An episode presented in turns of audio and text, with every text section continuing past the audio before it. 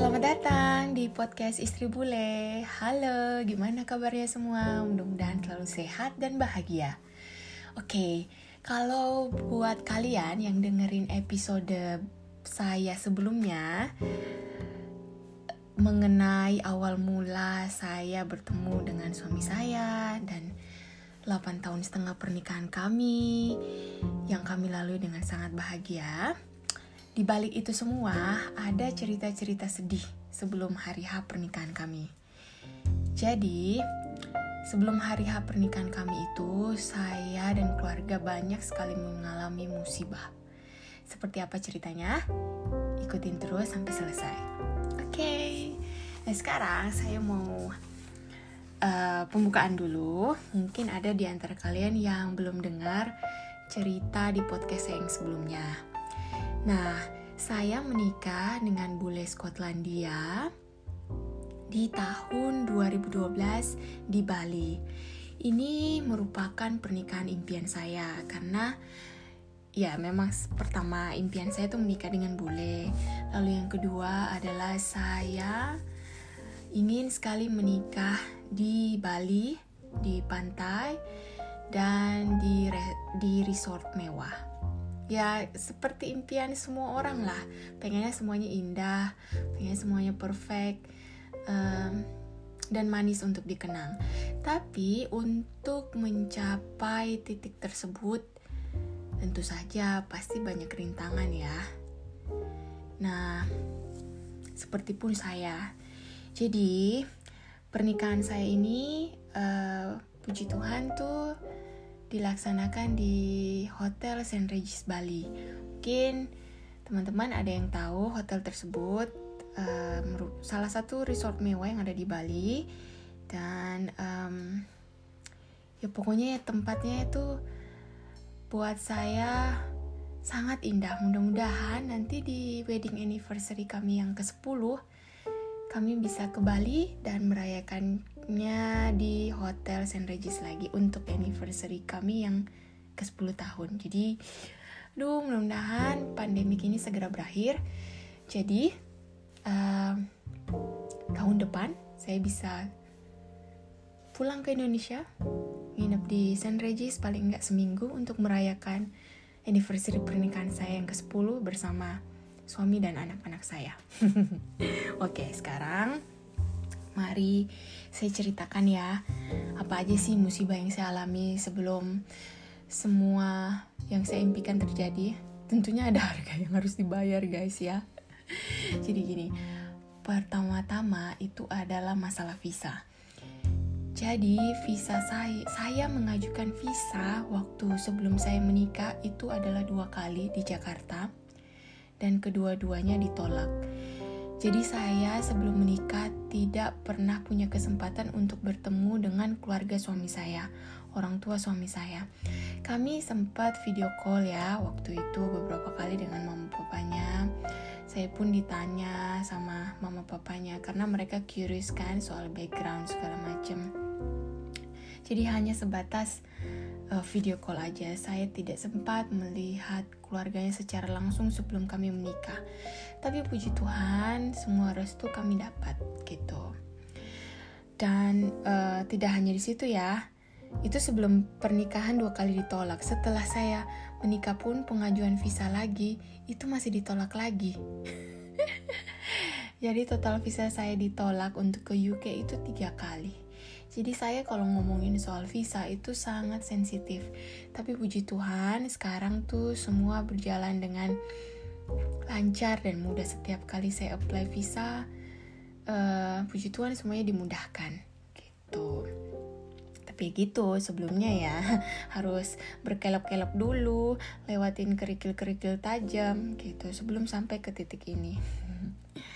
Lalu yang kedua, sebelum hari pernikahan saya itu, saya ingat sekali malam itu saya akan pulang ke Makassar untuk mengurus uh, semua keperluan surat-surat pernikahan saya karena saya asal Makassar, lalu kami akan menikah di Bali dan dengan WNA. Jadi memang ada persyaratan khusus dari pemerintah kita. Dan itu surat-suratnya harus dari proses awalnya itu diambil dari RT RW, lalu ke kelurahan, bla bla bla bla bla bla. Pokoknya ribet lah gitu ya pengurusannya. Dan itu saya harus pulang. Karena waktu itu saya udah bekerja di Jakarta di kalau kalian masih ingat ada mall kecil bukan mall juga sih tapi mereka tetap menyebutnya mall PX Pavilion Saint Moritz. Saya adalah manajer marketing di PX Pavilion. Buat Lipo Group ya. Jadi waktu jadi memang um, si PX Pavilion ini Saint Moritz memang dimiliki oleh Saint Moritz. Jadi eh sorry Lipo Group. Jadi waktu itu saya bekerja di Lipo Group lagi gitu. Di itu di Puri Indah. Jadi ritme kerja saya memang uh, saya selalu pulang tuh malam karena menghindari macet ya. Jadi paling enggak jam 7 malam setengah 8 baru saya pulang. Karena ditambah juga memang tugas saya waktu itu sebagai marketing communication manager sangat berat ya gitu. Jadi aduh pokoknya long hour terus waktu itu. Tapi ya dinikmatilah gitu. Dan waktu itu saya tinggalnya di apartemen uh, di daerah Kembangan. Aduh kok saya lupa ya namanya? Bukan di di di di, di uh, jalan raya gitu. Aduh kok saya lupa ya. Pokoknya di daerah dekat dekat Puri. Nanti kalau saya ingat saya kasih tahu lagi deh. Saya waktu itu ngontrak apartemen di situ. Jadi ya pokoknya dulu sempat jadi anak Puri Indah lah. Nah waktu itu saya pulang teman-teman saya tuh ternyata udah uh, setelah saya renungkan ya saya tuh udah dibuntutin selama berhari-hari gitu. Karena memang mencolok ya waktu itu saya punya mobil mobil saya apa ya? Kia Picanto waktu itu. Itu uh, saya bangga banget sama mobil itu karena itu hasil jerih payah saya gitu. Tapi waktu itu dibantu juga sih DP-nya sama pacar saya. Sama ini suami saya waktu itu masih pacar saya. Gitu. Tapi ya semua cicilannya saya yang bayar dari uang gaji. Nah uh, kebetulan kaca mobil saya itu uh, terang gitu nggak gelap. Itu jadi kelihatan lah cewek gitu kan malam-malam uh, lewat lewat jalan itu. Terus memang agak sepi sih dari PX Pavilion itu kembali ke apartemen saya itu agak sepi karena saya selalu ngelewatin kayak bawah jembatan gitu. Nah terus waktu itu saya diikutin sama banyak banget motor terus satu-satu tuh ngetok-ngetok kaca saya bilang tuh kalau ban mobil saya kempes yang di bagian depan eh sorry di bagian belakang kanan di bagian setir ya tapi bagian belakang. Dan bodohnya saya saya goblok banget waktu itu pas pengkolan gitu kan. Itu di situ daerahnya tuh gelap banget. Tapi karena mungkin saya panik karena banyak banget yang ngetok-ngetok kaca saya bilang mobil saya kempes. Jadi saya berhenti. Saya berhenti astaga. Tau gak sih saya selalu naruh tas itu di tengah-tengah ya. Di tengah-tengah terus waktu malam itu karena saya mau pulang Makassar saya ingat banget semua saya masukin jadi satu. Tas saya itu udah rapi karena penerbangan saya ke Makassar itu subuh-subuh. Jam 5 pagi malum nyari pesawat yang murah kan guys. Jadi jamnya ya itu yang seadanya. Jadi waktu malam itu saya pulang sekitar setengah 8 lah. Uh, semua itu rapi. Saya ambil uang cash juga 2 juta lebih waktu itu karena persiapan kan terus semua handphone semua di dalam tas. Biasanya handphone saya taruh di mobil loh. Saya nggak tahu kenapa waktu itu dua-dua handphone saya masuk ke dalam tas itu. Semua alat makeup saya masuk ke situ. Dompet saya semua di situ. Dan dompet saya semua alat pengenal saya di situ ATM segala macam jadi saya turun dari mobil itu ternyata ada satu orang dari pintu sebelah kiri itu masuk langsung ngambil tas saya. Dan itu saya nggak nyadar. Saya saya jalan beberapa saat terus saya periksa mana ya tas saya pegang saya meraba-raba. Waduh nggak ada. Akhirnya saya berhenti saya parkir ya Tuhan. Hilang. Saya ingat banget saya berhenti. Waktu itu saya masuk ke saya cari tempat terang. Ada cowok gitu bantuin saya dia bilang kenapa mbak? Aduh mas tas saya hilang. Terus kata dia ya mbak dicuri itu kata dia gitu. Ih saya udah panik. Saya pun sekarang nih cerita ya saya bulu kuduk saya masih masih merinding karena benar-benar membekas gitu perampokan itu. Ya Tuhan terus kata si masnya ya nggak apa mm, udahlah mbak uh, lapor polisi. Yang penting mbak nggak diapa-apain. Soalnya biasanya itu komplotan begal gitu. Ya untung alhamdulillah mbak tuh nggak diapa-apain sama dia. Ya udahlah mbak mbak sekarang pulang aja dulu lapor polisi. Itu ya sepanjang itu saya nangis. Saya saya nggak tahu apa yang saya mau buat karena semua tiket saya pun saya print saya taruh di dalam tas. Bayangkan.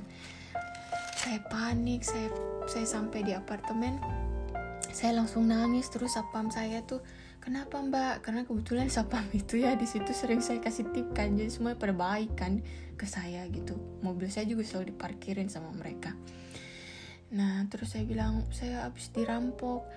Ih baik banget langsung. Saya bilang saya nggak punya uang. Terus kata dia nggak apa-apa mbak saya panggilin ojek ya. Uh, jadi dipanggilin ojek kenalan sama sapam saya saya dianterin di kantor polisi ditungguin sama abang ojeknya. Sampai selesai karena saya butuh uh, surat keterangan ya.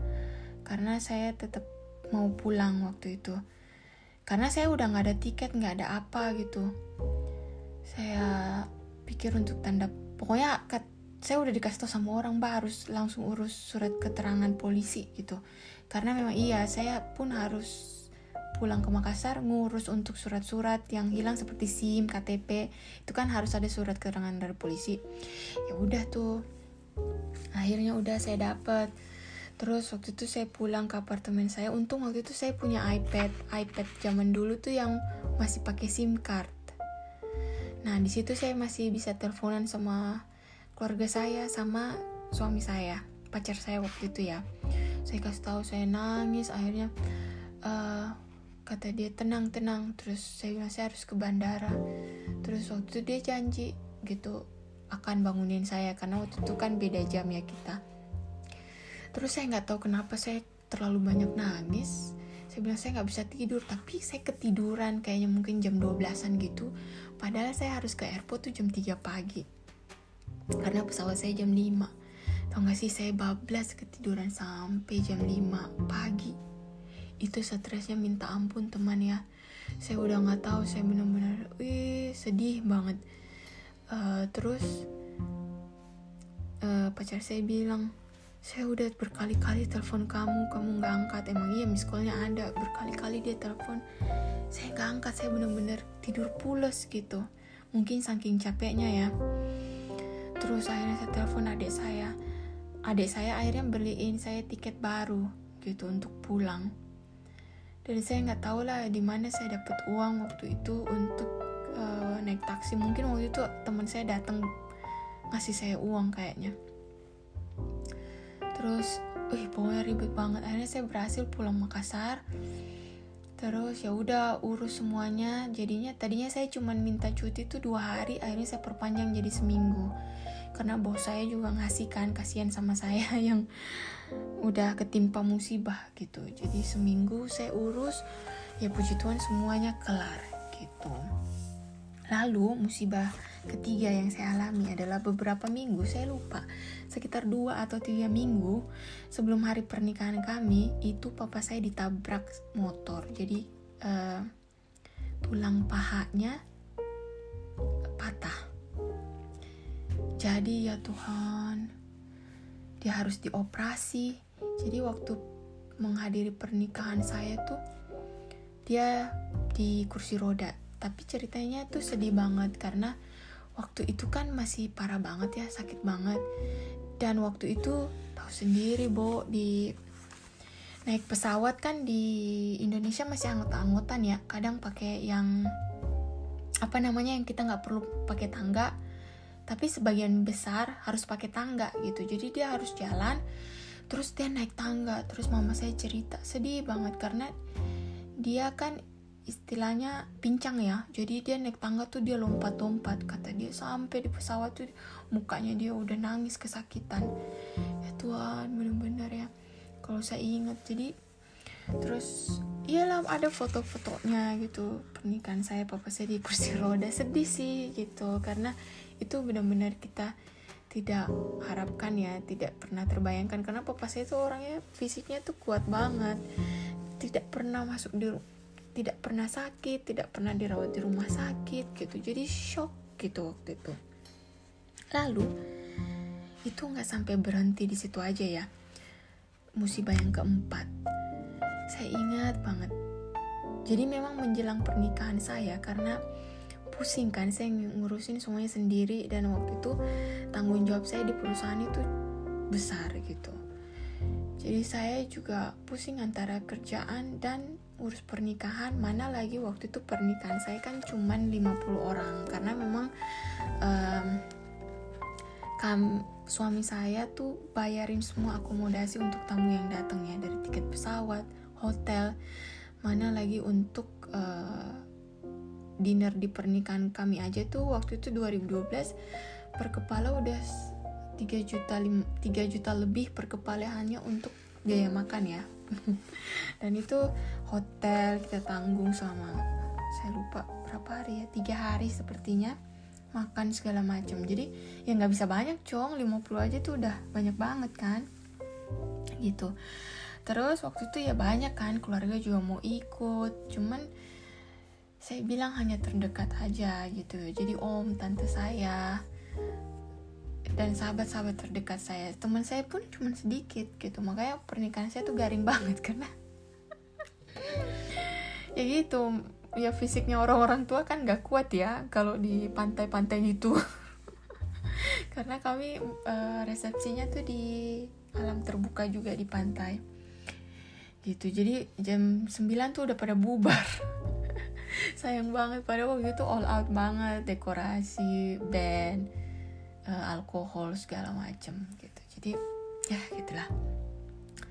Nah banyak ter akhirnya terjadi uh, beda pendapat sama mama saya. Karena mama saya juga dapat tekanan dari orang-orang kan kayak mereka tuh ih kamu uh, anak kamu nikah kok kamu kami nggak diundang. Jadi ya saya ngerti sih perasaan mama saya juga. Cuman nggak bisa juga gitu. Ya akhirnya banyak pokoknya masalah waktu itu terjadi antara saya sama mama saya. Akhirnya waktu itu mama saya juga stres. Terus waktu itu tiba-tiba dia dapat telepon itu loh yang nipu-nipu yang bilang anak ibu di rumah di di kantor polisi lagi dipukulin terus nangis-nangis. Terus si orangnya tuh minta uang. Terus ya udah mama saya waktu itu transfer uang 5 juta untuk membebasin saya Padahal itu bukan saya. Dan mama saya tuh nggak tahu kenapa dia nggak nelpon ke saya. Adik saya yang nelpon. Saya bilang, ah, saya lagi tidur. Ya Tuhan, langsung semuanya panik. Waktu itu ya langsung ada saya ngomong sama saya. Dia bilang, kamu ya, saya tahu kamu juga stres, tapi kamu harus berkomunikasi dengan baik sama mama karena si mama juga mikirin kamu memang pernikahan kamu sih.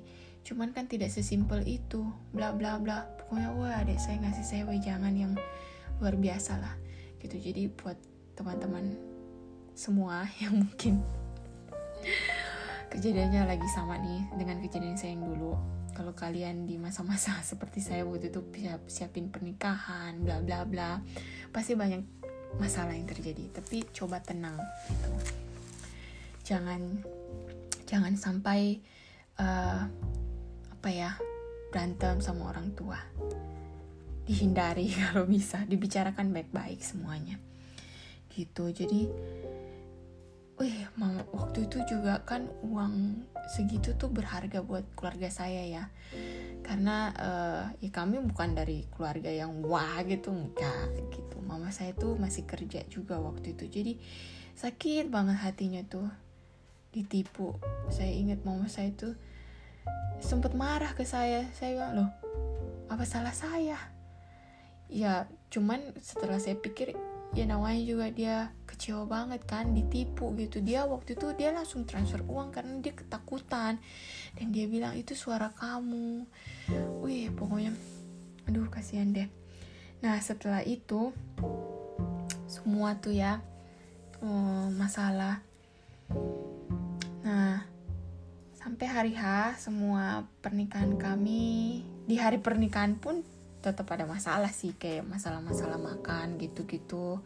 Nggak nyampe ke keluarga saya keluarga saya ngedumel gitu-gitu gara-gara supirnya tuh salah ngedrop di hotel lain gitu. Aduh pokoknya kacau banget. Deh tapi ya puji Tuhan semuanya happy So ya dan semua acara berjalan lancar. Tetapi sehari setelah hari pernikahan kami Itu paginya saya langsung dilariin ke UGD Karena saya gatel-gatel kayak orang gila. Itu saya udah nggak kuat. Memang di hari pernikahan saya itu saya udah gatel-gatel ya udah ampun-ampunan ya.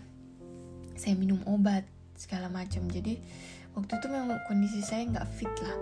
Terus besok paginya makin parah. Akhirnya saya dilarikan ke UGD nah di UGD dokternya tuh ngasih saya obat terlalu kenceng ya terlalu kuat akhirnya saya tidur aja terus nah uh, dua hari setelah pernikahan kami, kami tuh langsung berangkat ke Lombok untuk bulan madu kan. Suami saya udah booking hotel yang nice banget di Lombok.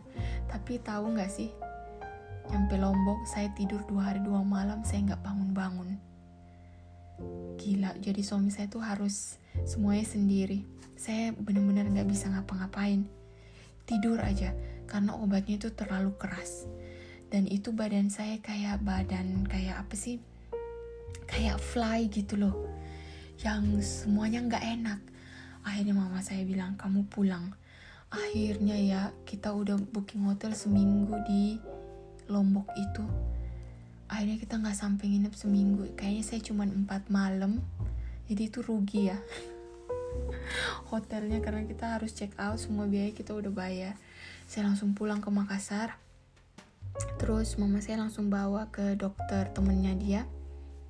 Temennya punya anak itu dokter kulit. Terus saya dikasih obat langsung mujarab banget. Langsung saya sembuh.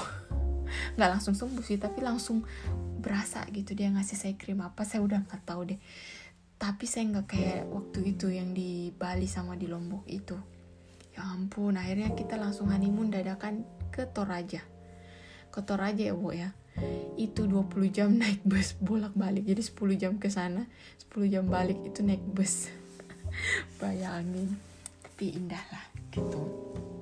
Nah tapi ya nggak berhenti di situ aja. Jadi tadi itu adalah yang kelima ya musibahnya yang keenam yaitu ternyata setelah acara pernikahan kami sedih sih karena ada satu sahabat saya tuh akhirnya sudah tidak berkomunikasi dengan saya lagi karena sesuatu dan lain hal. Jadi ya udah gitu. Jadi uh, sedih sih kalau ingat kejadian itu karena kesalahpahaman dan mungkin karena apa ya kesalahpahaman dan juga itu aja sih saya bisa bilang. Tapi itulah semua harga yang saya harus yang harus saya bayar ya. Tapi puji Tuhan 8 tahun setengah pernikahan kami kami hidup sangat bahagia diberkati dua dengan dua orang anak yang lucu dan ganteng dan cantik pinter. Tapi ya semuanya itu perjuangan. Menuju 8 tahun setengah pun itu perjuangannya luar biasa. Bukan berarti saya bahagia terus enggak. Banyak berantemnya juga banyak menangisnya banyak musibah juga yang terjadi dalam rumah tangga kami. Tapi puji Tuhan semuanya bisa terlewati.